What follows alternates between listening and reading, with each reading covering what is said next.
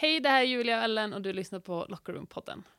Ja, och idag har vi ett riktigt pangavsnitt framför oss. Ja, idag gästas vi av Elin Setzman och vi kommer prata väldigt, väldigt mycket coaching. Ja, och då kanske ni tänker, ja ah, nu ska vi prata om eh, olika reads för horns. Nej, det kommer vi inte Nej. göra. Utan vi pratar om allt vad coaching innebär. Eh, vi pratar om pressen som finns på spelare, både från andra spelare, från dem själva, från coacher, från föräldrar. Och det som gör det här avsnittet väldigt intressant tycker vi är att Elin är inte dels bara coach själv utan också väldigt eh, nyligt en spelarkarriär bakom sig. Så hon har många bra infallsvinklar och erfarenheter både av att coacha och att vara spelare. Exakt, så det här avsnittet är verkligen till för alla oavsett om du är coach, spelare, förälder, eh, om du du behöver inte ens gilla idrott för att gilla det här avsnittet. Nej, exakt. Så att nu förhalar vi det inte längre. Nej, nu hoppar vi in. Yes.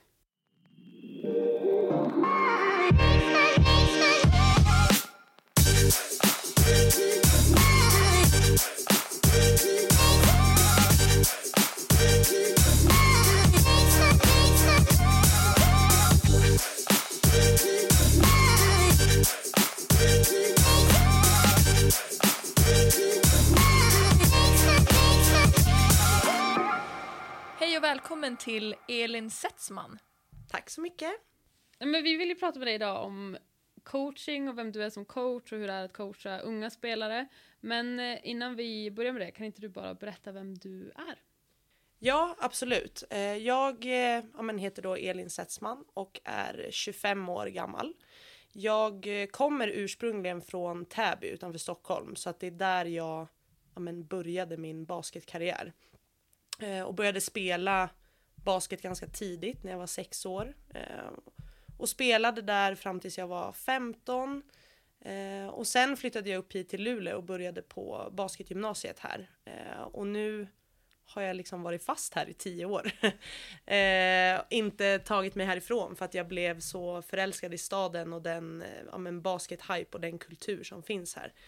Eh, så att jag eh, ja, men spelade på basketgymnasiet i tre år och sen har jag spelat lite på elitnivå eh, och sen gått över till att på senare år coacha och det är senaste fem åren jag har coachat. Ehm, och då har det varit liksom både lite ja, men, lokala klubblag, ungdomslag här i stan eh, och sen ja, men, de senaste åren har jag blivit involverad i ja, men, NIU för att sen nu börja jobba på men, Riksbasketgymnasiet eh, och även är involverad i lite landslag och sånt där.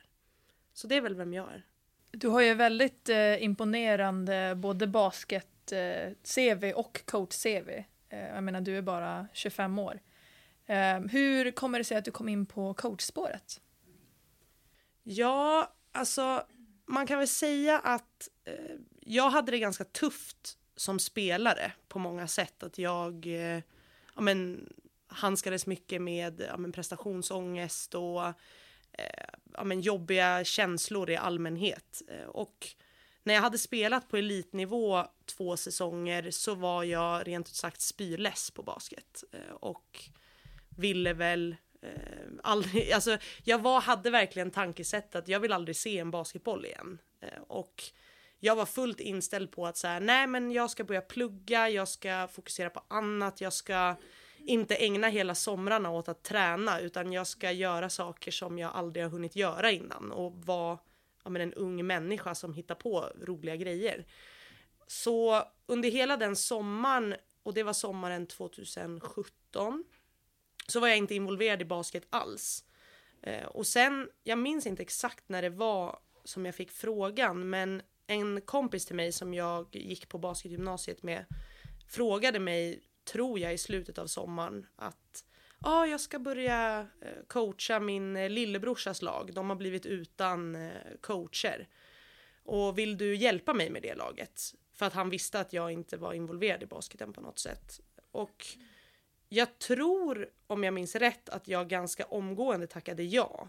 För att jag kände väl att efter den här sommaren där jag inte hade haft någon basket så insåg jag att eh, så här, basket är en så stor del av min personlighet och jag kan inte bara eh, ja, men, gå iväg från den på det sättet som jag hade trott. Eh, Och jag har väl alltid ja, men inspirerats väldigt mycket av ledarskap och tyckt att det har varit intressant och kul. Så att då valde jag att hoppa på det eh, och sen har det bara fortsatt därifrån egentligen. Ja. Du nämner prestationsångest lite grann och psykiskt eh, välmående. Hur känner du att det påverkar dig som coach nu, att du har den erfarenheten själv? Eh, jag skulle säga att det påverkar jättemycket. Jag eh, tror att jag kanske har bättre förutsättningar än många andra coacher på att upptäcka saker, alltså i en grupp. Att eh, jag vet att sådana här saker, prestationsångest, det kan ju finnas andra mentala issues också. Men det kan ta sig uttryck på så många olika sätt. Det är inte bara den här som sitter i ett hörn och gråter eller liksom springer ut från träningen och låser in sig på toaletten eller alltså sådär. Det finns ju sådana också. Men som för mig tog det ju uttryck i att jag var väldigt arg. Alltså att jag, eh, ja men typ kastade basketbollar i väggen och svor och alltså var ganska otrevlig. Så då försöker väl jag när någon är så, kanske inte reagera som många andra gör med att man bara skriker på personen att vad fan gör du ungefär? Utan mer så här äh, försöka ta den kanske lite grann åt sidan och bara hej vad händer? Alltså vad, är det något som pågår?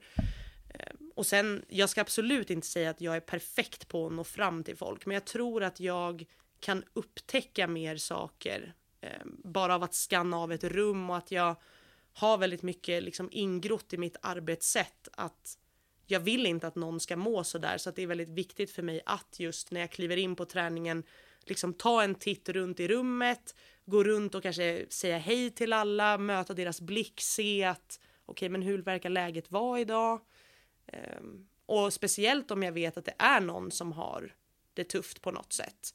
Då är jag ju extra liksom uppmärksam med att titta åt den personens håll och se okej, okay, men har den blicken sänkt idag eller verkar det vara liksom lite bättre? Ehm, så det påverkar jättemycket. Ehm, men sen eh, det är ju så svåra frågor så det finns ju inget facit på hur man ska hantera det. Så att ehm, jag känner själv att jag har väldigt mycket att lära fortfarande.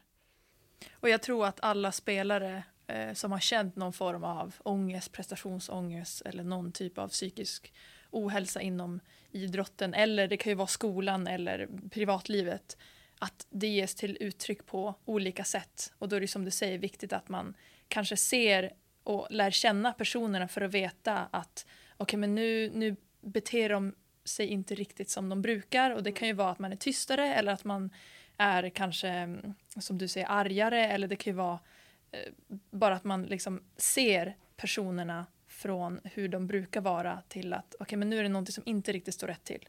Och att man då, som du säger, kanske inte om någon är arg, att man liksom blir arg tillbaka. Utan att man säger okej okay, men vad är, det, vad är det som pågår, hur mår du egentligen och ska vi prata om det här och eh, det tror jag är väldigt viktigt som coach att man verkligen ser alla spelare för liksom den de är och att man kan ha de olika relationerna med spelarna var och en för sig, att alla är inte likadana. För att, och man kan inte behandla alla på exakt samma sätt. Nej, och det där tror jag är alltså en, den viktigaste delen kanske, att förstå att alla är unika och hanterar saker på sitt sätt. Och det, jag brukar vara ute, eller brukar, men det händer att jag ibland är så här ute och föreläser om de här frågorna till olika idrottsföreningar här i, i länet. Och det är en av de grejerna som jag tror jag tar upp som viktigast att så här, det handlar kanske inte om exakt vad personen gör, alltså hur deras beteende är, men om någon börjar uppträda okaraktäristiskt, alltså att den gör saker som den inte brukar göra, till exempel någon som brukar vara jätteframåt bli jättetyst eller tvärtom så kan det vara ett tecken på att okej, okay, men nu är det någonting som har hänt eller någonting som inte står rätt till. Sen är det ju klart att också om någon i sitt beteende hela tiden är väldigt arg och har väldigt lätt till det eller väldigt lätt till att bli ledsen, alltså då är det ju också skäl att reagera såklart. Men eh, och det tror jag tror att det är väldigt viktigt att förstå det här med att det finns inget facit på det. Jag kan inte när jag är ute och föreläser säga till folk att exakt så här ska ni göra.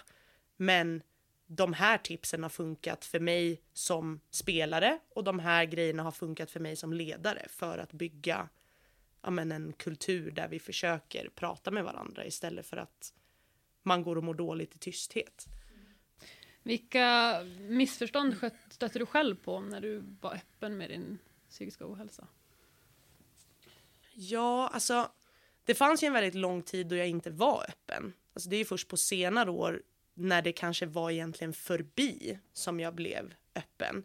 Och jag tror att under tiden som jag var aktiv så eh, missförstods mitt beteende väldigt mycket. Alltså jag vet att när jag väl eh, alltså kom ut och berättade om hur jag hade mått som spelare och att ja, men jag hade kommit hem efter träningarna på kvällen och sjunkit ihop hemma i lägenheten och bara gråtit eller liksom haft så mycket ångest. Eh, så vart ju gamla tränare och lagkamrater väldigt chockade. För de hade ju inte förstått för att jag var den här, eh, ja men ni vet som hade liksom den här pansarrustningen på sig och var bara arg och tog i hårdare och, och det är ju alltså drag som kanske uppfattas som väldigt positiva. Att så här, någon som eh, ja, men hela tiden kör på och som visar eh, fighting och ilska och liksom bryr sig om spelet. Det var ju saker som eh, ja, men uppfattades som att ja, men det är bra för hon vill verkligen och hon är så himla målmedveten. Och det var jag ju också, men det var ju någonting annat än vad jag kände på insidan. Så att det vart ju ofta tror jag missförstånd eh, kring varför jag betedde mig så och ja, men när jag väl började prata om det så just det här att så många varit chockade och kände nog, vilket de absolut inte skulle, men mm, alltså kände typ skuld och skam att de inte hade upptäckt någonting. Och det känner jag så här, men hur skulle de ha gjort det? Jag sa ju ingenting. Alltså, och hade någon frågat mig, jag hade aldrig svarat ärligt liksom. Um, så att det, ja. Och jag tror som, som idrottare så man ska inte riktigt visa sig svag utan det är liksom man ska alltid vara stark, man ska alltid kämpa. Det är liksom om man spelar genom en skada så är det coolt och det är liksom så här, oh, men du är så stark som spelar genom en skada och det är liksom någonting som alltid uppmuntras medan jag kan tycka att det är, det är en styrka i att visa sig svag. Alltså verkligen. Och eh, just det här med att man som idrottare alltid ska liksom vara liksom, tuff och alltid ta sig igenom saker som är tuffa utan att visa sig svag. Hur tror du det kan påverka ens både prestation men också psykiska hälsa? Um, jättemycket tror jag. Jag tycker det är så intressant uh, det du säger att ja, men det här att man ska inte visa sig svag. För jag minns jättetydligt när jag var, ja, men gick typ i högstadiet och gymnasiet att det alla vi i min kompiskrets då som satsade väldigt mycket på basket. Det vi tittade på för att så här hypa upp oss till träning. Det, var, det fanns såna här motivationsvideos på Youtube där de sa så här, du ska springa tills du stupar och du ska eh, liksom Eh, folk, vilka, de som sover är veklingar. Alltså det var verkligen helt sjuka grejer och man satt och tittade på det där och bara, ah, jag ska träna mer än alla andra och jag ska aldrig vila, aldrig liksom visa mig svag och det är svagt att visa att man är trött och ja men eh, och det satte ju någonstans eh, ja men verkligen i huvudet på en att det var så det skulle vara. Och då tänker ju jag att det finns ju garanterat fler, jag tycker jag hör nu när jag är på BG till exempel, elever som drar samma exempel som jag själv alltid körde. Vi har någon elev som brukar säga så här, tror du Michael Jordan vilade? Typ så här, ja, det tror jag faktiskt att han gjorde, men jag, eh, jag sa ju själv sådana saker. Att, oh, tror du de som har blivit bäst har vilat någon gång? Eller tror du de har klivit av planen för att de stukar foten? Eller, ja. Och jag tror ju att det påverkar dem så sjukt mycket. Eh, att man har den här bilden av att det ska bara vara mer, mer, mer, träna, träna, träna. Du ska aldrig visa att du mår dåligt. Och det tror jag finns jättestor risk leder till att de slutar väldigt tidigt. För att när de har hållit på så i några år så kommer det ju bli för mycket till slut. Både för kroppen, att den inte orkar med belastningen, mentalt, att man sätter de här kraven på sig själv. Ehm, och då kommer det vara så många som tappar glädjen till sporten, precis som jag gjorde. Eh, och just därför tror jag att det är så viktigt att man som tränare ja, men försöker skapa en kultur där man visar att det handlar inte om att vi ska vara perfekta hela tiden och vi ska inte bara köra hela vägen in i kaklet hela tiden utan att man pratar om vikten av återhämtning, eh, ha andra intressen eh, Ehm, och faktiskt utför det i praktiken också. Att man ser till att de får vila och man pratar om de här sakerna. Och en grej som jag verkligen tycker har hjälpt mig för att försöka skapa en kultur av att så här, det är okej okay att visa att vi inte är på topp idag. Eh, det är att jag själv försöker vara väldigt öppen med de träningsgrupper jag har. Att så här, ja, men när träningen ska starta till exempel och säger vi att jag har haft en dålig dag av någon anledning. Jag, det kan ha hänt något eller så har jag bara varit stressad eller någonting. Så kan jag liksom komma in i rummet och säga så här. Eh, ja men hörni, idag så är jag lite, jag har en dålig dag, jag kanske kommer ha lite så här kort stubin, vara lite arg och irriterad och det handlar förmodligen inte om er. Utan det handlar om att jag är stressad idag för att jag har jättemycket plugg eller jag har sovit dåligt eller eh, och det har, ibland har det inte ens varit att jag måste förklara varför utan mer bara så här hörni, liksom upp med handen att jag är inte på topp idag, eh, liksom ta det för vad det är om jag är lite otrevlig typ. Och med det knepet har jag märkt att många andra i gruppen också känner att aha, men om hon kunde säga det framför alla att jag är inte hundra idag, då kan jag också göra det. Eller bara komma till henne och säga att jag är inte hundra idag, det är liksom, jag kör, kör, allt vad jag kan men jag kanske är lite ofokuserad för jag har haft tre prov och det gick skitdåligt. Alltså, ja. Och den mentaliteten upplever inte jag fanns på samma sätt när jag spelade. Alltså det var aldrig att en coach kom in och bara, ah, jag mår dåligt idag. Alltså det hände inte, utan de framstod ju som supermänniskor och då var man ju själv tvungen att vara en supermänniska. Men hur känner du att du och dina coachkollegor, kan ni prata om psykisk ohälsa coacher emellan? För det är ju givet mycket press på spelare, men det är också en, ett enormt ansvar och stor press på tränare. Och den, ni är ju inte supermänniskor, även om många gillar att framstå som det. Så hur upplever du att branschen hanterar det? Det har blivit bättre, tycker jag.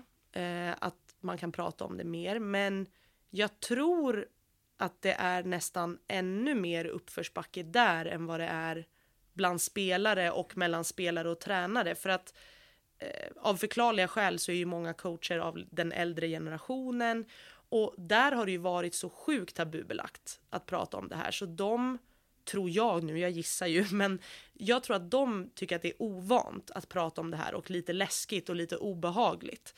Eh, och att det är lättare att prata om det med en grupp yngre personer, för där har de ändå växt upp lite mer i ett samhälle där det har varit mer öppet. Så jag skulle säga att vi har jättelång väg kvar där. Eh, och vi hade faktiskt, det uppskattade jag jättemycket, vi hade en föreläsare, Göran Kente, han är ju grym. Eh, han var och föreläste för all oss personal som jobbar på idrottsgymnasiet, alltså alla sporter. Och pratade om eh, hållbart ledarskap var liksom temat. Och då var det lite intressant i början av den, för då frågade han, ah, va varför är ni här? Vad tänker ni om det här med liksom hållbarhet och är det för, är det för eleverna vi pratar om eller är det för er? Och nästan alla som fick frågan först var ju så här, ja men vi är ju här för att vi ska få eleverna att må bättre. Och så när jag fick frågan så sa jag, nej jag tycker nog bägge två. Att det är ju svårt att få en grupp att må bra om vi som personal inte mår bra. Ehm, så att jag tror vi har jättemycket kvar där just för att ja, men den äldre generationen har kanske svårare att ta till sig av det också. Jag tror också att man, man pratar inte så ofta om det. Utan det är ofta liksom spelare har mycket press på sig och så. Men om man tänker efter så coacher har ju nästan ännu mer press. För de är ju ändå de som är ansvariga över den här gruppen och ansvarig för om man vinner eller förlorar eller spelsystem eller scouting eller liksom allt det här. Eh, så där med den liksom mentala ohälsan så tycker jag att det borde pratas mer om just från ett coachperspektiv. Och inte bara coach till spelare utan coacher emellan. Eh, men, så du känner att man pratar inte riktigt eh, om det coacher emellan, om hur det här med pressen och man kanske har prestationsångest som coach och liksom går igenom alla, oh, jag skulle gjort det här, jag skulle gjort det här. För menar, det gör man ju som spelare och, och, det kan man ju prata spelare emellan. Men hur känner du att liksom, coacher emellan, om det pratas om? Eh, jag skulle säga att det pratas nästan inte alls om de faktorerna och jag tror ändå att de flesta coacher har något form av Alltså vad man nu kan ha prestationsångest över. Jag kan ju kanske ha prestationsångest över så här gud, blev alla sedda idag? Alltså bara en sån grej. Kan jag ligga och älta på träningen? Eller oh, fan, jag borde gått fram till den här och frågat vad det var. Eller undrar om den mår jättedåligt nu. Medan en annan coach, jag tänker coacher som ja, men coachar på liganivå till exempel, där det är lite mer fokus på resultat och sådana grejer. De kanske är bara oroliga över kommer de få behålla jobbet beroende på hur det går för laget. Och jag tror att det ligger, alltså jag upplever i alla fall när man har varit i konstellationer med andra coacher, eh, ja men vi säger när jag har varit i landslagssammanhang eller bara när man är på klinik som man sitter och diskuterar och så här. Jag är ganska ofta men det tror jag också kanske är lättare för att jag är ung och känner att jag har jättemycket att lära. Så är jag väldigt öppen med så här, det här tycker jag är svårt. Eh, hur hanterar ni det? Och det här blir jag stressad över i coachingsituationer eller det här känner jag att jag inte kan. Och, eh, ja, men om vi tänker till exempel eh, så här crunch time situationer på slutet. Jag tycker det är läskigt. Alltså, jag blir lite så här, okej, okay, vem ska jag ha på plan? Vad ska vi göra? Men det känns som att det ligger som prestige hos många andra coacher att alla vill bara visa vad de kan.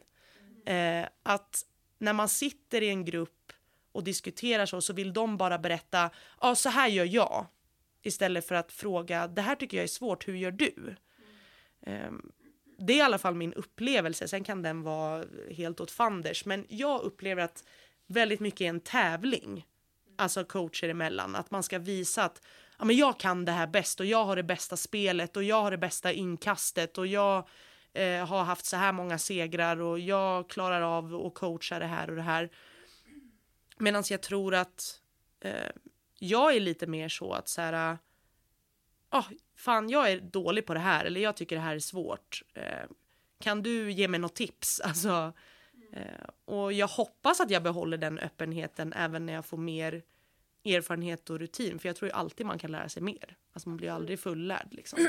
Och jag tror också att det, jag menar det är så man växer, både som person och som coach. Att man, att man vågar vara sårbar och det är så man också hjälper andra och så mm. vi kan lyfta liksom, svensk basket med att få bättre ledarskap och att vara öppen med att okej, okay, jag kan inte det här, hur gör du där? Och hjälpa varandra och liksom få eh, svensk basket och våra spelare att växa i sådana situationer. Ja, verkligen. Tror du att det har någonting att göra med att det är en typ av chefsposition att vara coach? Det är ju inte en, det är inte en direkt översättning till chef, men du är ändå ansvarig över typ 12 personer som du bestämmer över. Och jag tänker om jag tänk, ser till mitt eget liksom, arbetsliv och de chefer jag haft där så är det väldigt få av de cheferna som har visat sig svaga inför sin arbetsgrupp.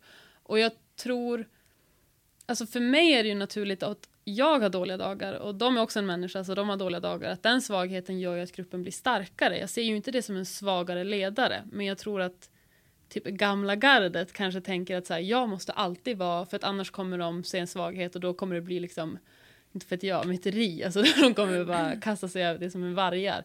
Och det är ju inte så. Men tror du att det är lite att, tror du det är så coacher resonerar? Att man som så här, mm, det måste vara strikt. Ja, det tror jag verkligen. Alltså jag tror att man är rädd att visa minsta lilla att man är osäker. För att, och framförallt tror jag att man är det om man är i en position ja, men där ens jobb kan ryka beroende på resultat. Och så här, mm. Då vill man inte visa minsta osäkerhet alls eller att man är svag på någonting. Så att jag tror verkligen det ligger någonting i det. Men jag tror ju som dig att vi blir ju bättre om alla kan våga vara öppna med att de tycker saker är svåra. För att alltså det är ju ingen som Alltså jag har aldrig hört någon säga att så här, den här personen är en perfekt chef, den gör aldrig någonting fel. Alltså det finns ju det går ju inte, jag skulle ju inte heller vara det. Eh, och därför tror jag att det är så otroligt viktigt att vara öppen med att det här tycker jag är svårt, det här vill jag ha er hjälp med. Eh, men jag tror också att det är eh, en svår balansgång i att så här, du måste ändå som coach mot ditt lag, alltså mot dina spelare, vara tydlig med vad som gäller. Det får inte finnas osäkerheter i ja men till exempel när man tar den här sista timeouten då får inte du vara fladdrig och så här Ja, vi ska göra så här. Nej, vänta, vi gör så här. Eller vänta, vi gör så här. Utan då måste det ju vara mm. klart och tydligt. Men sen när du går iväg kanske med din coachkollega efteråt så kanske du kan ändå erkänna att oh, gud, jag visste inte vad jag gjorde. Mm. Men ja, det var tvunget att vara tydligt. På samma sätt som två coachkollegor eller om man är flera måste ju vara synkade mot spelarna. Men måste kunna diskutera med varandra, alltså bakom stängda dörrar när spelarna inte är med. Eh, och ha olika åsikter. Men det får ju inte vara att de strider mot varandra framför eh, gruppen. Men där tror ju jag ett steg till att, eh, att steget inte ska bli så, alltså att hoppet inte ska bli så långt. Är ju att de saker där du kan alltså vackla eller vad man nu ska använda för ord. Det är också ett ord för svaghet så jag gillar inte det. Men eh, alltså visa dig sårbar mot spelarna. De sätten du kan så tycker jag du ska det. Du kanske inte ska göra det ja, men i den där timeouten att nu vet inte jag vad vi ska göra. Alltså det, det nu ska... känner jag mig osäker. nej, nej det, det är ju kanske inte rätt läge. Men typ som ett sånt läge där man kommer in på träningen att så här, jag är inte hundra idag. Det, det påverkar ju inte Alltså man kan, man kan fortfarande vara så här, jag är här och gör liksom det jag kan och vi ska ha en bra träning. Men kanske att ni får driva på energin lite idag, ni får vara lite mer skärpta, alltså någonting så.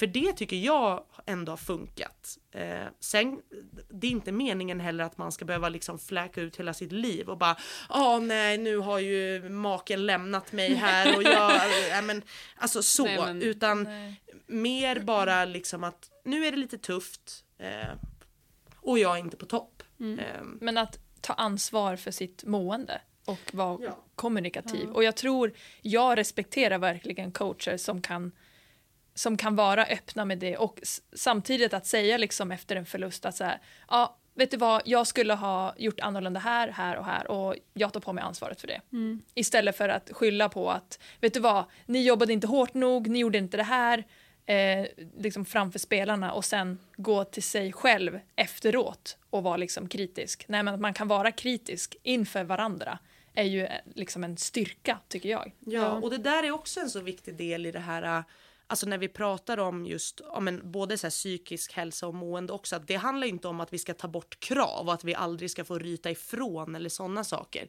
Det måste vi fortfarande kunna göra och vi måste kunna ge kritik, men vi måste också kunna ta emot kritik.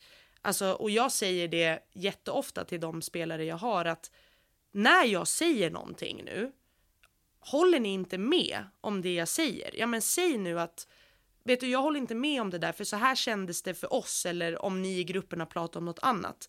Sen kanske det ändå är mitt ord som gäller i slutändan. Det beror ju på vad det är.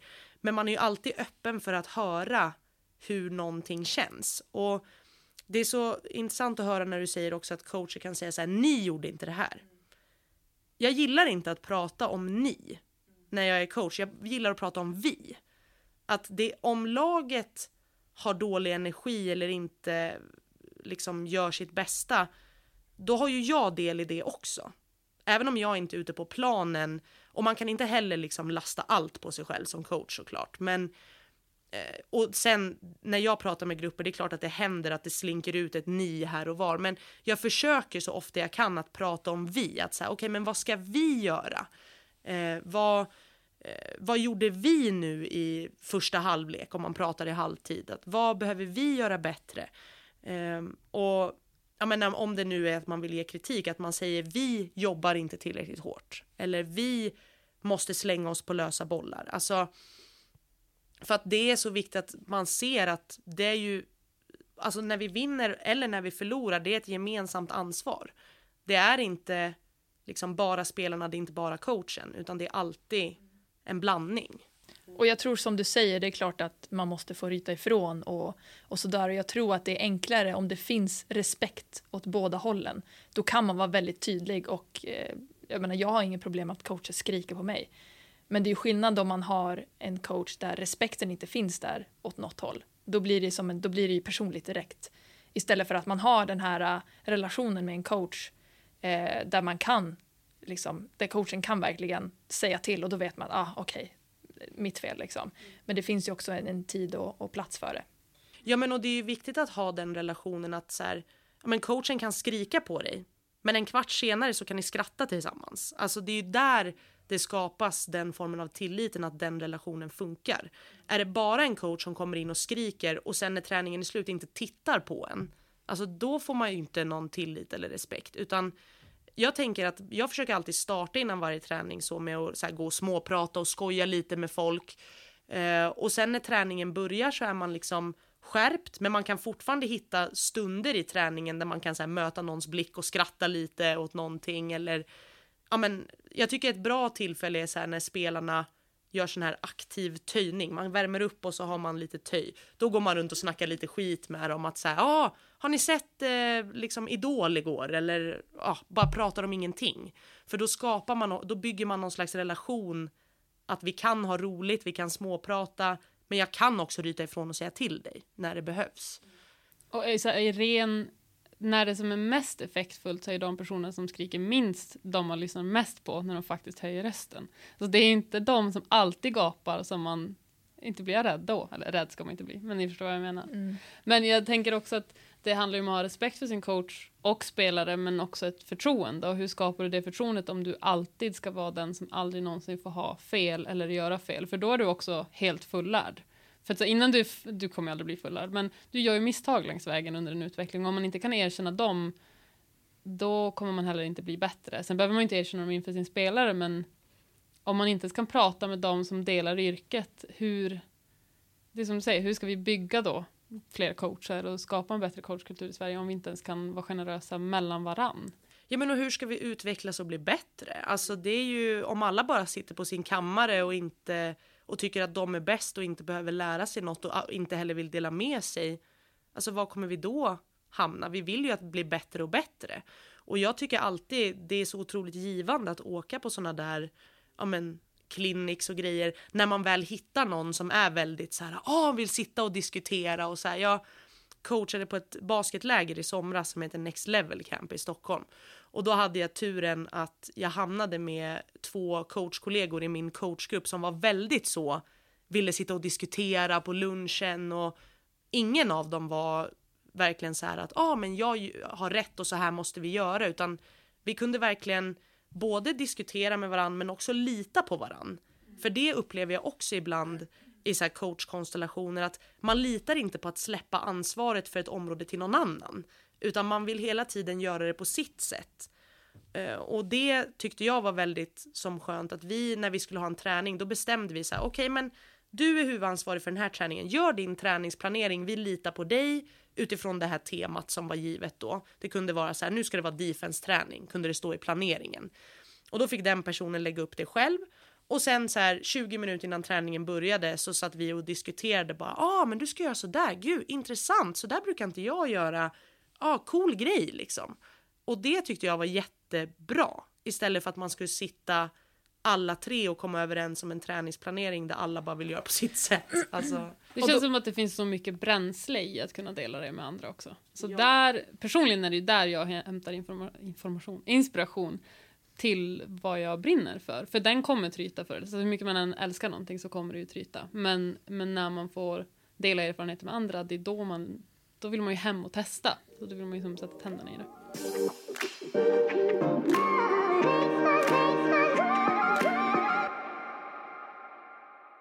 Den här säsongen sponsras Lockerroom-podden av Rain Total Body Fuel. Rain är ett innovativt och smakrikt energidrycksalternativ som hjälper atleter att prestera på sin topp.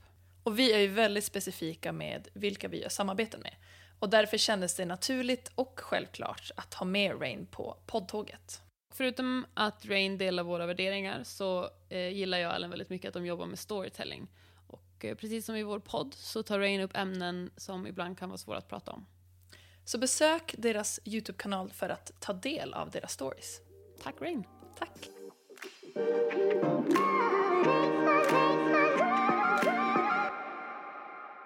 Du jobbar ju på Riksbasketgymnasiet här i Luleå med ungdomar som verkligen är i åldern där man formas som person. Eh, hur pratar ni om psykisk hälsa och ohälsa på BG i just den åldern? Ja, det upplever jag ju också stor skillnad mot hur det var när jag gick. Eh, och en stor skillnad är ju det här att vi har börjat använda den här appen. Jag tror, använder inte ni den ni också i Luleå Basket? Ja. Eh, ja men det är en app i alla fall de har i sina telefoner där de då fyller i varje morgon när de vaknar ja, men hur de har sovit, hur de har ätit, hur de mår mentalt och hur, eh, ja, men hur stressade de är. Det finns massa olika frågor där de får skatta. Och den appen hade vi ju inte när jag gick. Och jag kan vara lite så här äh, avundsjuk på ja, men de eh, ja, men, grejer man tar upp och pratar om idag. Sen tycker jag det kan bli bättre fortfarande, men just bara att vi använder den appen har ju skapat ett helt annat samtal kring hur viktigt det är att de fyller i, att de fyller i sanningsenligt, för det finns ingen, man får inga pluspoäng för om man fyller i högsta betyg varje dag, utan då kommer vi snarare reagera på att du, det är inte möjligt att du inte är, liksom att du aldrig är stressad eller aldrig är sliten, då gör vi ju något fel i verksamheten. Alltså, eh, så att det har ju liksom, det leder ju ofta in i samtal om det.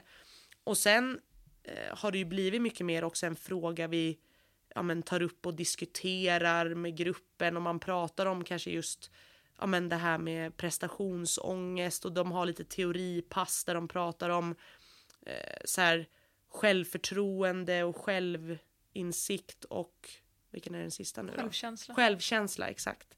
Eh, och eh, ja men så det, det, finns ju, men sen tror ju jag att vi kan göra ännu mer. Framförallt tror jag ju att vi kan eh, jobba mycket mer ja, men, förebyggande och men, och jag tror att man kan förebygga ganska mycket sådana här saker genom att du kanske inte ens behöver prata om temat psykisk ohälsa utan du gör saker som ska motverka att det blir så. Du gör mycket kanske roliga gruppaktiviteter och ja, men du ser till att skapa ett bra klimat på träningar och du har den här kulturen där man kan prata med varandra. Och, eh, så man det är väl mycket så. proaktivt och inte mm. reaktivt. Ja, exakt. För jag tror att det är klart det är viktigt att agera när någonting händer också. Absolut. Och veta att eh, liksom vi är inte, vi har inte den kompetensen att hantera hur svåra saker som helst. Och då viktigt att veta så okej, okay, men vad har vi för vägar att slussa vidare? Och det upplever jag också på ett annat sätt att man har byggt ut kontaktnätet bredare. Sen, jag har inte full koll på exakt hur det var när jag var elev, men det jag minns i alla fall när man presenterade för oss elever att ja, men om någonting händer, om ni skadar er, då kan vi skicka er hit, hit och hit. Eh, om ni behöver komma till läkare kan vi skicka er hit, hit och hit. Men man pratade inte någonting om, okej, okay, men vad händer med någon som behöver gå till en idrottspsykolog? Vad händer med någon som kanske utvecklar en ätstörning? Eh, och det upplever jag är ganska tydligt nu, att man har en tydlig väg att okej, okay, men om någon hamnar i någonting som är så pass stort att vi inte ensamma kan hantera det, typ som en ätstörning. Det, jag har inte kompetens för att hantera det. Eh, då vet vi vart vi kan skicka dem och föräldrar och elever vet också att ja, men de här kontakterna har vi. Eh, vilket jag tycker är jättebra. Jag tror också att det är så viktigt att lära känna sig själv och hur man funkar individuellt.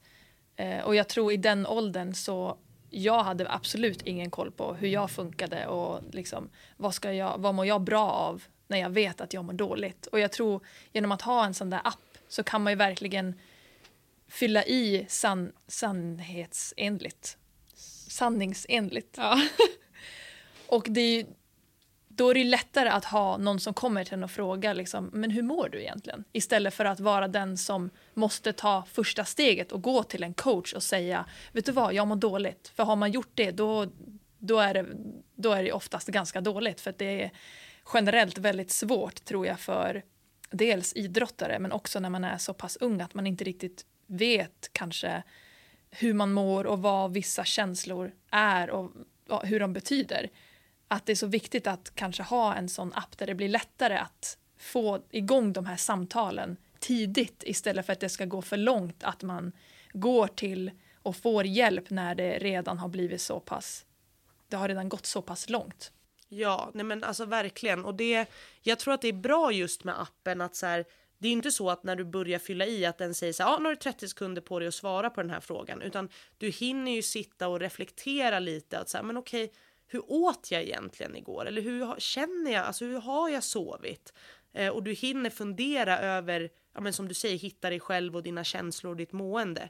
Och just att det blir även om de vet att vi kollar vad de har svarat så blir det ändå på något sätt lite mer anonymt och lite lättare att så här, ja men jag fyller i i den här appen istället för att jag måste söka upp någon, precis som du säger. Och det som är int- så intressant med det här som jag verkligen märker i och med att jag har jobbat både med ja, men killag och tjejlag och speciellt nu på BG att jag förra året var med tjejerna och nu med killarna. Eh, så märker jag att det är ju mycket mer uppförsbacke med det här gällande killar. Eh, det är alltså verkligen jättestor skillnad. Eh, och för tjejerna tycker jag ändå många har kommit till att de kan vara väldigt öppna och ja, men säga att så här mår jag. Eh, och det kan ju ha att göra med olika saker. Det kan ju ha att göra med både så här biologisk mognad, att de förstår kanske på ett annat sätt ja, men hur de mår och kan sätta ord på det. Men framförallt tror jag att det beror på eh, ja, men just hur normer är att ja, men tjejer får prata. Eh, det har liksom varit tillåtet från att man var liten att vara ledsen, visa känslor medan killarna ska ha den här tuffa fasaden.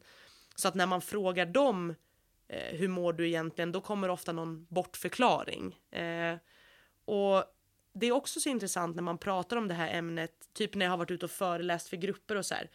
Det intressanta är, jag har ju nästan bara varit ute till tjejgrupper. För att man pratar om, ah, vi har ju, det är så mycket unga tjejer, de har det ju så tufft och det, de skulle behöva prata om det här ämnet. Och ja, ja, absolut, det, det är jag helt övertygad om att de behöver.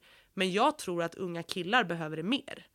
Fast de säger det inte och, de vi, och kanske även att deras coacher är inte lika uppmärksamma på det heller. Eh, och för det är ju ändå, och det är ju sån här skrämmande statistik man kanske inte vill ta upp, men män är ju överrepresenterade i självmord medan kvinnor är överrepresenterade i att liksom söka vård för ja, men, psykisk ohälsa.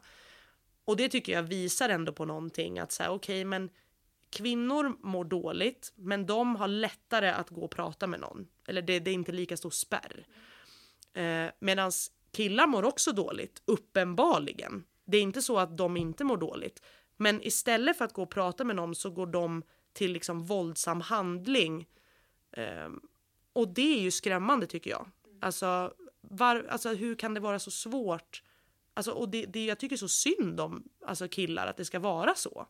Eh, så jag försöker ju verkligen nu med killgruppen här att skapa det här Eh, den här kulturen av att vi ska kunna prata om saker. Men det är betydligt mer uppförsbacke än vad det är med tjejerna. Hur försöker ni fånga upp dem? Alltså har ni olika metoder eller är det typ alltså att man får vara enträgen med dem eller är det? Alltså just nu så tror jag att jag är ganska jobbig. alltså så här, jag, tror de, jag tror de håller på att bli lite less för att jag varje dag håller på och pratar om saker. Eh, framförallt så pratar jag väl väldigt mycket om så här nu hur, vi, hur de pratar med varandra. Alltså i, i gruppen på träningar att det är väldigt mycket så här att ja, men medan tjejerna kanske man hade velat tända till dem ibland, att de är lite för snälla och så här inte spelar tufft alla gånger så är killarna nästan tvärtom att så här, om någon gör ett misstag så blir det en hög suck och vad fan gör du? och så här och då kan jag försöka gå fram till den här personen. Hur mycket tror du din lagkompis lärde sig av den där kritiken? Alltså och vad tror du det skapar för känsla hos honom om du bara suckar? Han har varit här i två veckor. Alltså, han vill komma in i den här gruppen och lära sig. Förklara vad du menar istället.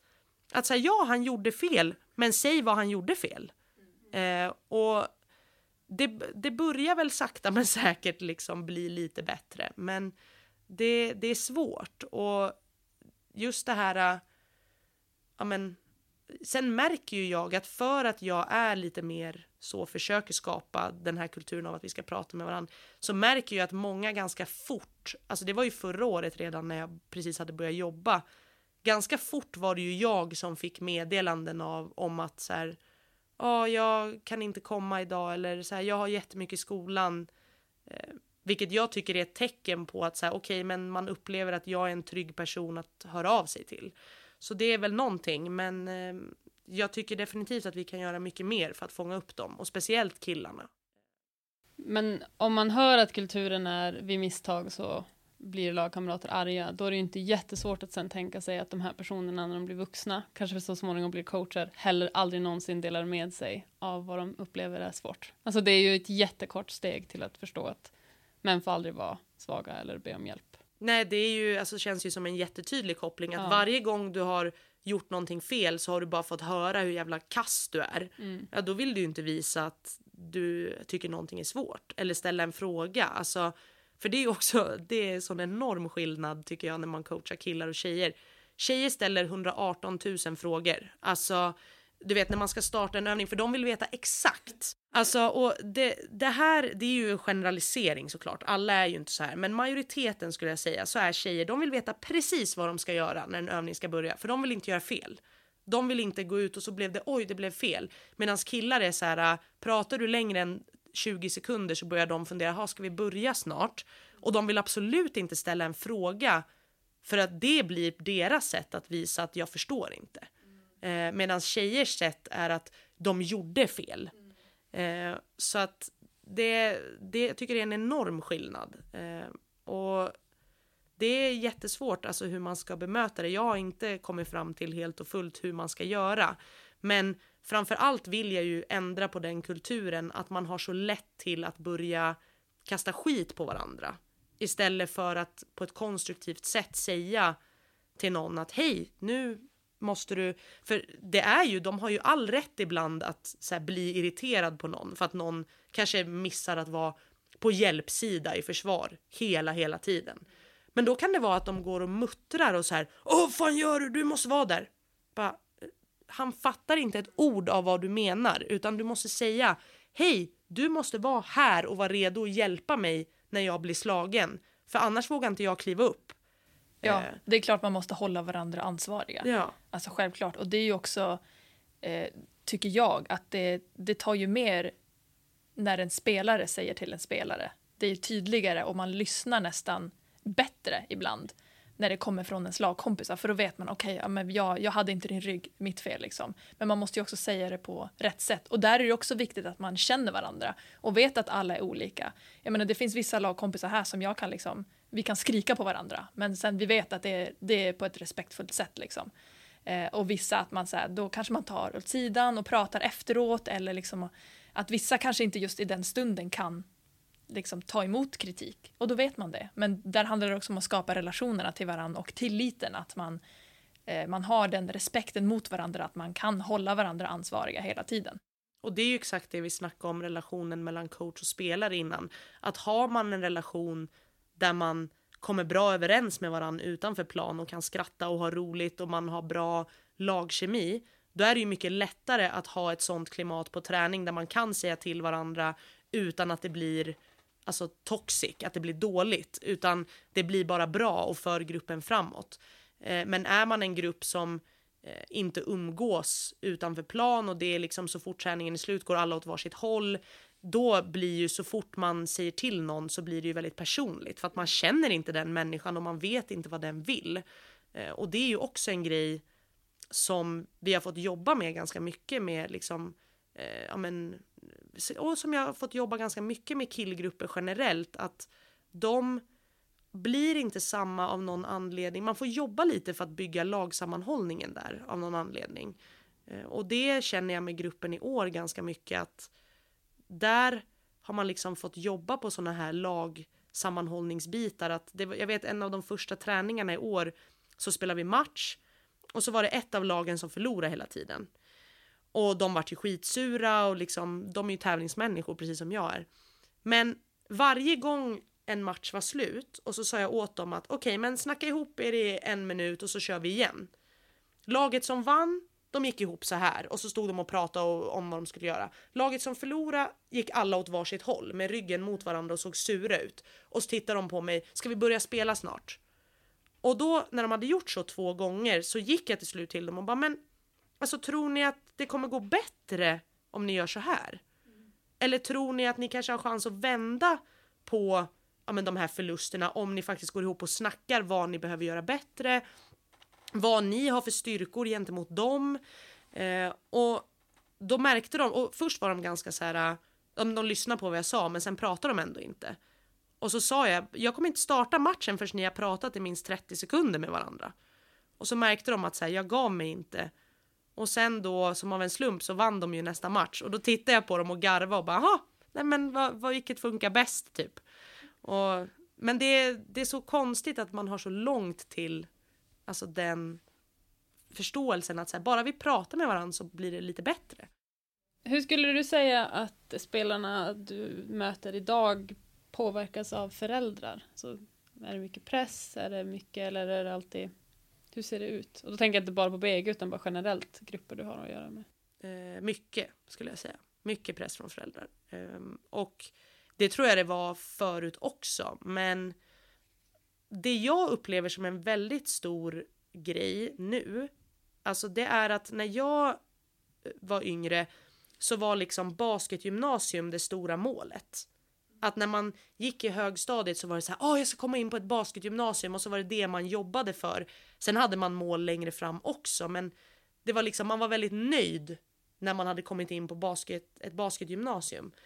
Medan nu upplever jag många, både så här som vi har haft som sökande och i grupperna nu, de är liksom redan på nästa steg i huvudet.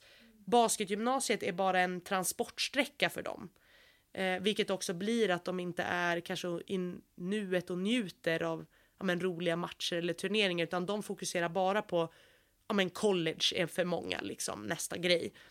Och vi kan få, jag kan få så här meddelanden Eh, på våra sociala medier på, från så här någon, jag fick någon meddelande någon gång som bara hej, eh, jag är en kille på 12 år, min högsta dröm är att spela i NCAA division 1, typ så här, eh, kan ni hjälpa till med sånt? Får man mycket offer som man går och ser?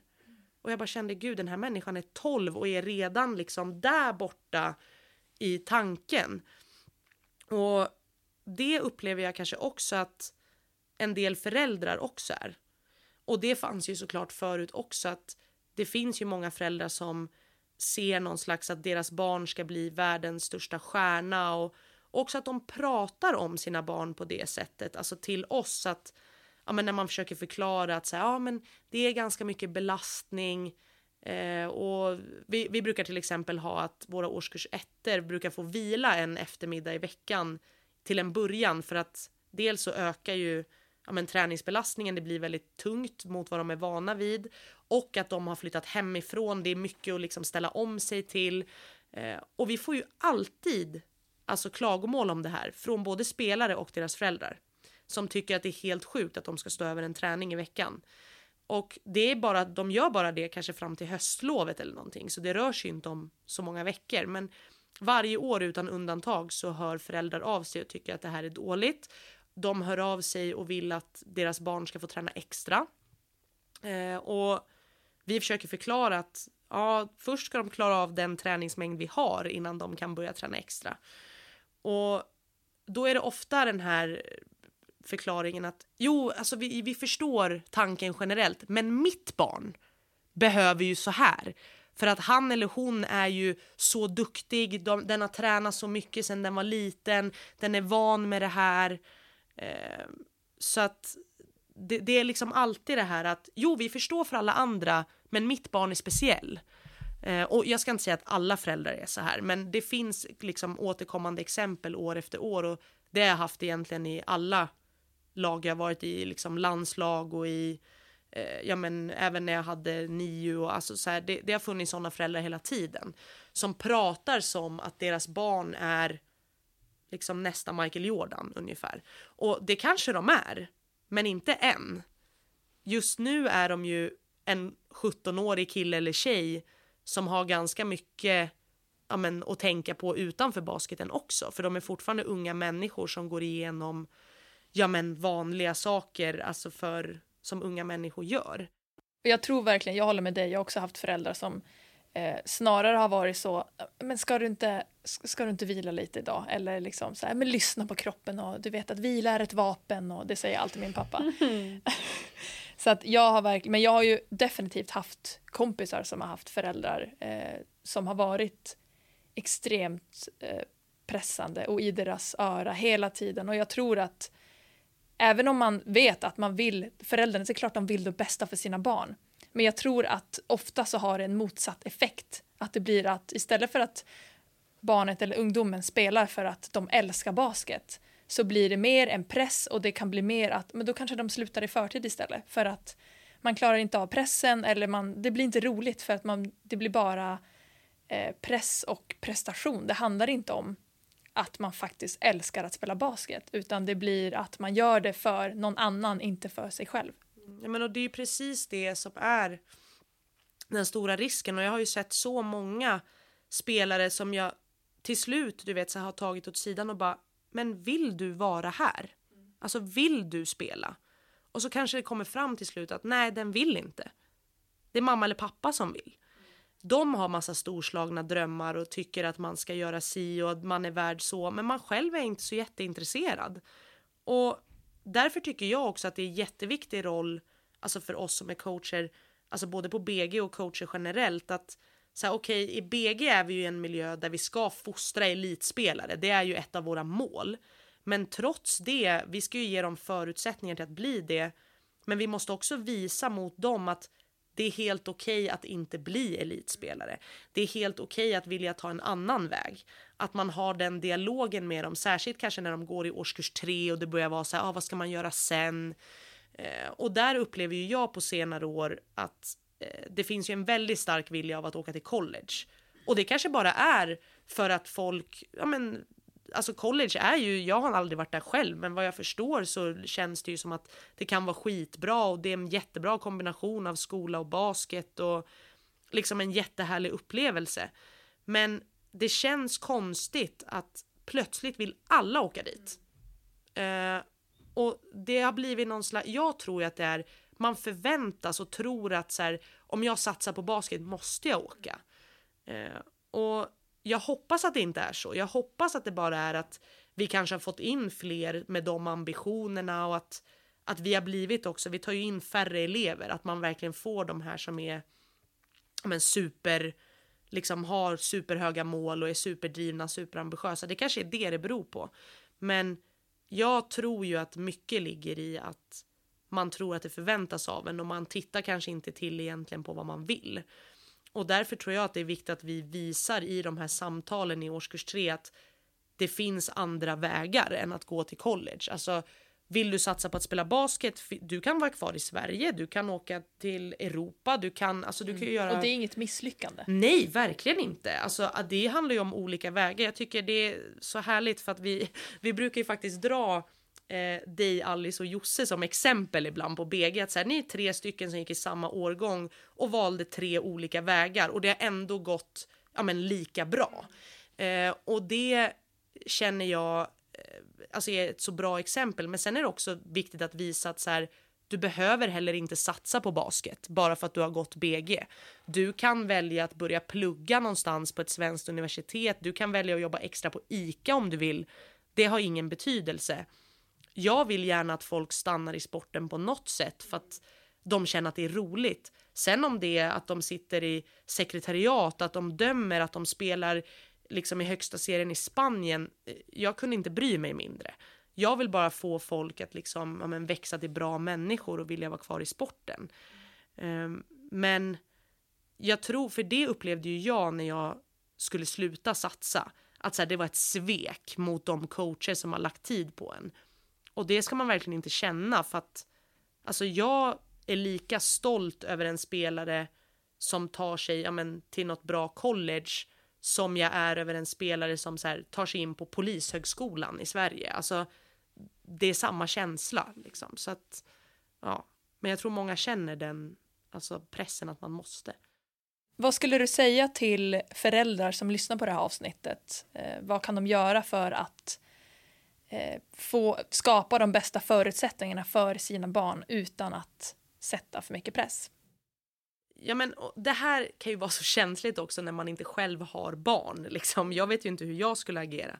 Men eh, alltså jag tänker verkligen så här, var förälder. Var alltså cheerleader åt dina barn. Var deras största supporter och liksom heja klack och bara eh, absolut skapa Eh, Eh, ja, men förutsättningar att så här, vill ditt barn eh, jättegärna komma in på ja, men basketgymnasiet, alltså ja, men kolla om det är möjligt, alltså våga släppa iväg dem då, alltså för den delen, men liksom ha inte jättemycket åsikter om hur saker ska göras, utan eh, liksom låt, lite får man ändå så här, okej, okay, men nu har man eh, liksom ändå släppt sitt barn in i en verksamhet i idrott och det är inte bara här utan i vilken idrottsverksamhet som helst.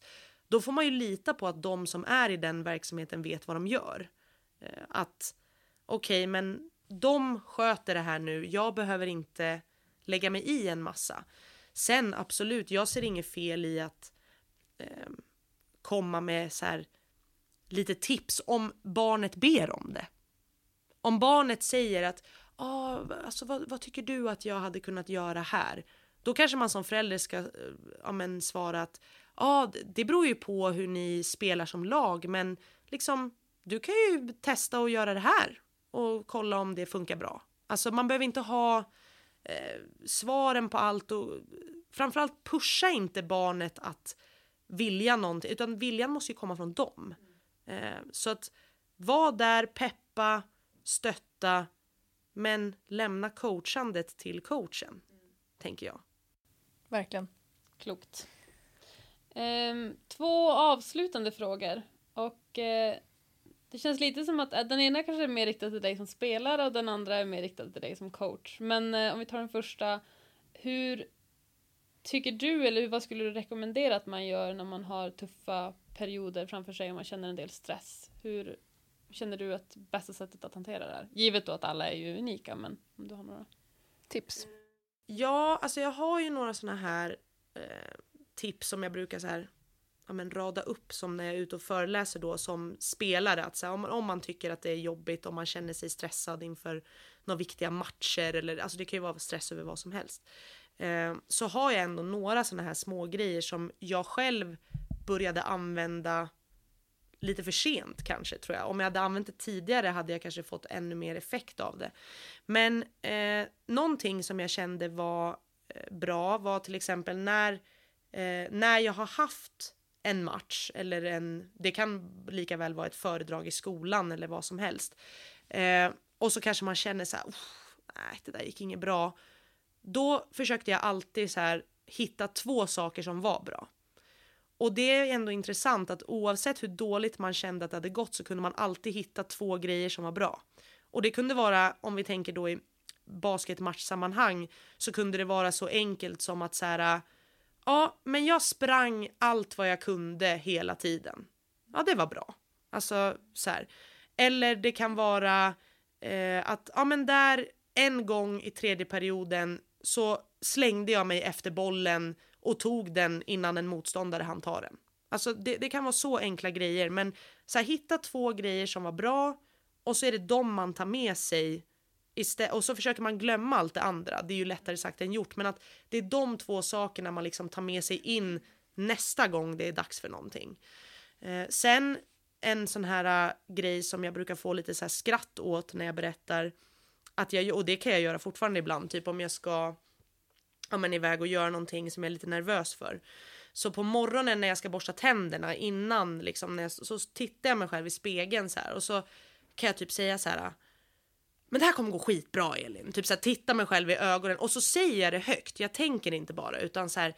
Det kommer gå skitbra. Bara, du är så jävla bra på det här. Du har gjort det här massa gånger förr. Så här, det är lugnt liksom. Eh, och ja men ni vet. Och även ibland typ så här om jag ska typ gå ut så kan jag bara titta på mig själv och bara se bra ut. Alltså så här, bara för att boosta upp mig själv. Alltså, och det kan låta så här supertöntigt men det hjälper faktiskt att man liksom bär med sig den känslan resten av den dagen. Eh, så att de två grejerna tycker jag att man kan Ja, och det är ju liksom, det är ju ingen som behöver se att du gör det där. Du behöver inte stå framför folk och titta i spegeln och säga att du är så jävla bra. Det kan du göra själv. Så att, eh, men de två tipsen eh, tycker jag verkligen att man ska ta med sig. Och att om man upplever att saker är jobbigt, att våga prata med någon om det. Alltså det är kanske det allra viktigaste. Att eh, Känner du att du har en, ja, en tränare eller en annan vuxen, en lärare, en förälder, alltså som du litar på, berätta för den personen, berätta för kompisar, medspelare att det här tycker jag är jobbigt. Vad känner ni? Eh, brukar ni också ha de här problemen? Är man den första som vågar säga någonting då kanske fler vågar följa efter. Eh, så det tänker jag väl är. Jättebra tips. Mm. Eh, jag har också ett som jag brukar eh, tänka på om man då är inne i en match eller en träning och man känner att ja, men det här går inget bra, det här är liksom inte min dag. Eh, och att man behöver energi på något sätt så brukar jag fokusera på att ge energi till andra och försöka klappa om andra och liksom peppa andra för då kommer det alltid komma tillbaka till en själv. Det är ju som en liksom cirkel, har man bra lagkompisar som man då kan peppa igång så kommer man få tillbaka det själv och då kan man få en liten extra kick att så här, ah, men jag är ändå ganska bra, det här kommer gå bra liksom. Mm. Så det tror jag också på att, att försöka liksom spräcka den här bubblan som man hamnar i när man när det går dåligt, att liksom, då går man in i sig själv och bara kritiserar sig själv liksom, inifrån. Att så här, försöka spräcka bubblan och bara liksom, okej okay, men nu ska jag peppa igång någon annan. För då kommer det alltid komma tillbaka till en själv. Ja, alltså det där är ju klockrent och jag tänker också den här äh, att man vill försöka vända på den här klassiska. Jag tycker att eh, alltså ni känner säkert igen att så här, när någon gör något bra på basketplanen, alltså, eller i alla sporter egentligen, så ska man som spela iskall. Alltså man ska låtsas som att så här, det där var väl ingenting. Typ när man blockar någon eller så ska man gå därifrån och bara se iskall ut. Medan när man gör någonting bra så gör man värsta gesten att säga åh, man, hela kroppen bara visar att det här var dåligt. Och det som, nu kan inte jag exakt liksom fysiologin bakom det här, men det blir ju ändå något slags så här sparat i muskelminnet att okej, okay, men vi laddade in det nu som var negativt. Det fick vi kroppen att komma ihåg för att vi gjorde en gest. Och det som var bra, det glömmer vi bort för det markerade vi inte överhuvudtaget. Om vi kan vända på den, att både när lagkompisar som du säger gör någonting bra, ge dem energi som fan. Och när jag gör någonting bra, att bara så en liten typ, ja men ni vet höja näven eller dra, alltså vad man nu vill göra då laddar du ju in det och din kropp kommer ihåg nästa gång du hamnar i situation att okej, vad hände förra gången? Ja, men jag hade näven i luften. Shit vad bra, då kommer det ju gå bra igen. Medan om vi gör någonting dåligt, då ska du ju spela iskall. Då ska du ju bara pff, försöka kasta bort det ur huvudet så fort som möjligt. Men det var någon, jag kommer ihåg att ni sa det i någon podd förut, det här med kort minne. Det tycker jag är skitbra. Alltså håll fast vid det liksom. Ja, det, det är något som jag verkligen använder fortfarande. Det hjälper mig så mycket. Sen sist, men inte minst, du som coach, har du några tips till andra coacher som eh, vad de kan göra för att underlätta jobbiga perioder för sina spelare? Oj, eh, vilken fråga. Men... Eh... Jag avslutar starkt. Ja, exakt, exakt. Nu, nu ska jag komma med facit här till alla. Nej, men, nej, men alltså jag, jag, tror egentligen att det viktigaste är att bara vara lyhörd. Att så förstå att man kan inte lösa alla problem och man kan inte som coach lägga liksom all börda på sina axlar. Men du kan inte heller vara en person som, alltså jag, jag tror att det är helt omöjligt att jobba med grupper och särskilt med unga människor om du inte bryr dig om dem genuint. Alltså att du bara är den här, ja, ah, jag är bara här för att eh, lära dem taktik och teknik och sen går jag och pratar inte med dem. Alltså då blir ju inte ditt jobb roligt heller. Så att du måste nu ju ändå bry dig om dem genuint och bara vara lyhörd och prata med dem. Alltså, eh, och ibland kan det bara vara det någon, man behöver inte kanske vara där varje dag och bara hur mår du, hur mår du, hur mår du? Utan ibland kan det bara räcka med att du kommer fram och drar ett skämt till dem eller bara, ah, har du sett det här nya avsnittet av den här serien? Alltså, försök att bara babbla om saker och gör dig rolig på din egen bekostnad. Alltså gör att de kan skratta åt dig, att du inte hänger med i vad som är aktuellt just nu. Alltså ibland känner ju jag mig som det här ordet nu då, värsta boomern. Alltså, fast jag bara är 25. Alltså, när de pratar om så här, trender på TikTok, jag bara va, vadå? Alltså så här, hänger inte alls med. Eh, men då, liksom, var, bjud på dig själv och ja, men, var lyhörd för vad gruppen behöver och eh, ja, men, liksom bara gå runt och försök bygga relationer med dem. Eh, men sen ändå liksom kunna sätta gränser såklart och vara ja, men, en ledare och coach. Men man kan inte tro att så här, min enda uppgift i den här gruppen är bara att lära ut basketsporten. För då blir det jävligt tråkigt. Alltså, och sen viktigt att, alltså det, det är ju balansen i det hela. Att du kan inte bara förmedla basket, du måste också vara en människa som visar att du är öppen mot andra människor. Men du kan inte heller tänka att du ska lösa allas problem. Utan du måste också så här, okej, okay, ha en gräns och kanske veta, okej, okay, men nu är det dags att slussa den här vidare till någon annan som har bättre kompetens än vad jag har. Mm. Tack så hemskt mycket för att du har gästat oss. Ja men tack själva, jag var ju en, eh, alltså vad heter det, ett stort fan av första säsongen och lyssnade ju på varje avsnitt. Så att det är en stor ära att ha fått vara med nu i ja, men, säsong två. Ja, vi är så glada över att vara här. oss också. Fortsätt vara den grymma människan du är. Ja. Tack så mycket, ni också. Tack.